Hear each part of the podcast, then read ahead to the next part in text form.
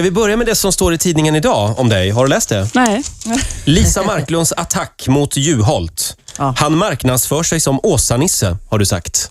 Mm. Jag såg det i Nyhetsmorgon också. Du meddelade att du inte kommer att rösta på Juholt igen. Nej.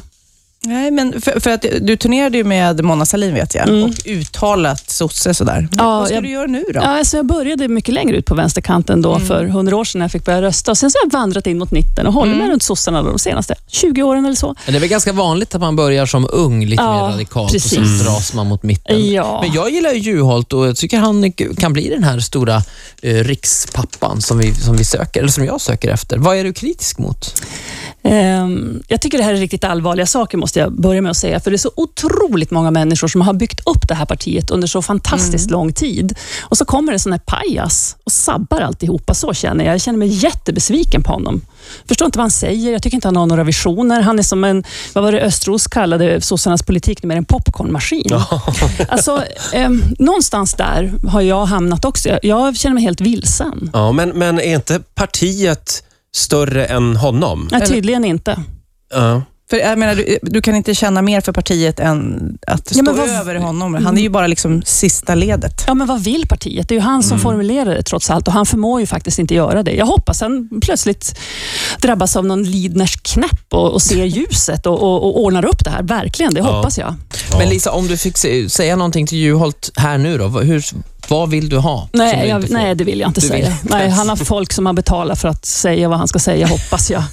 ja, man undrar ju ibland. Han satt ju faktiskt på den stolen där du sitter nu och då fick han frågan eh, så här, skulle du kunna tänka dig att vara med i Let's Dance? Och det bara det spratt i hela kroppen, så mycket ville han. Men då satt det någon bakom Pressmänniska. pressmänniskan och var så här, nej, det vill du inte. Och då sa han, nej, det vill jag inte, sa han.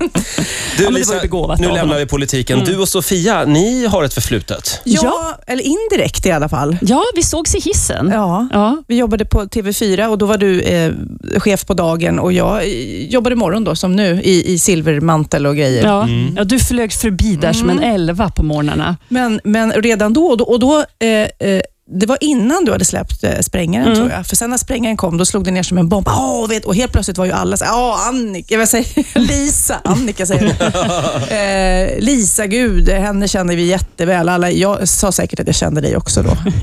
Men ni gick om varandra alltså under några år där då? Mm. Eh, när jag läser bara om ditt liv så känns det som att du har haft ett väldigt roligt liv så här långt. Är det så?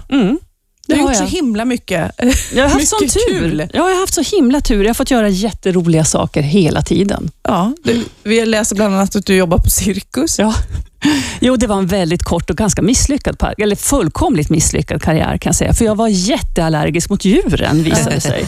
Det här var på den gamla, inte så goda tiden när man fick ha så här, riktigt vilda djur i väldigt små burar. ja. Men vilket land pratar vi? Ja, det- Detta var Italien. Det var en Ja. holländsk cirkus i Italien på, ja gode gud, var det 70-talet? Alltså jag är jättegammal. Mm. Nej, 80-tal var det. Tidigt 80-tal. Och De hade tigrar och lejon och elefanter i olika burar där. Och det började med att jag lärde känna eldslukaren nere på stranden. Jag var som professional beach bum. Och den här, jag såg den här killen som hade fullt med brännsår över hela kroppen och sa, men kära vän, vad har hänt med dig? "Ja, Jag är eldslukare och rätt dålig, sa han. Så att det var så jag lärde känna. Så vi fick flytta upp med honom på cirkusen, jag och min pojkvän. Så det var så vi kom in i det här cirkuslivet. Men jag var alltså för allergisk för att kunna stanna kvar. Jag skulle gå i manegen och så här vir- vinka med en plym på huvudet. Så här. Jag är eldslukare och jag är rätt dålig. Och, vad sa, och du jobbade som professional beach bum. Ja. Då, då, är, då hänger man omkring på stranden bara Ja. och gör ingenting. Ja. Det låter Vad skönt. härligt.